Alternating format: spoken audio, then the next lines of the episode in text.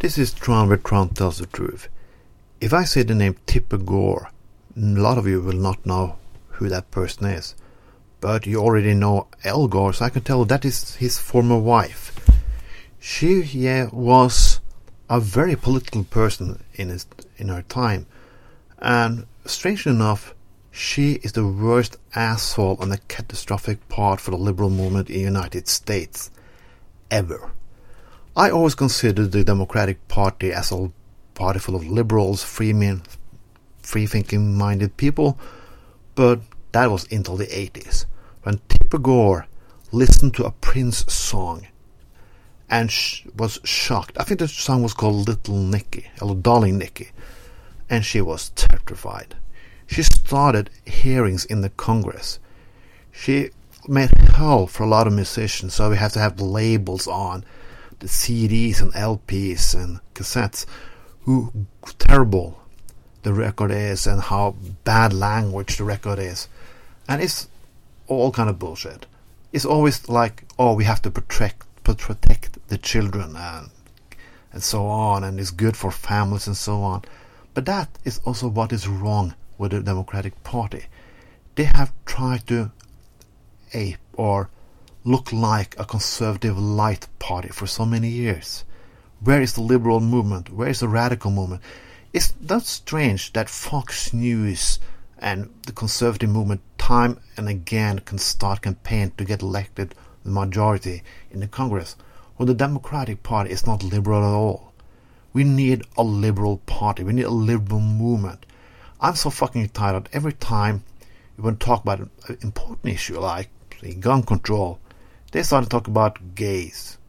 When we talk about war, gays again. Everybody remember the election in 2003.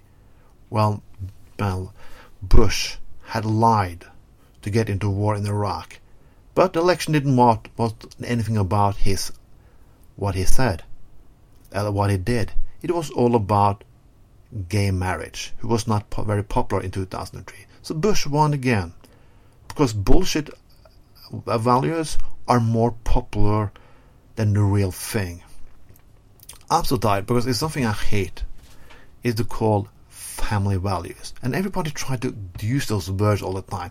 Hillary Clinton had a book called It Takes a Village. I don't give a fuck if it takes a village. It takes smart, intelligent people. I don't give a shit if you have two or three kids or show the pictures of them on Facebook. You're not necessarily a good person.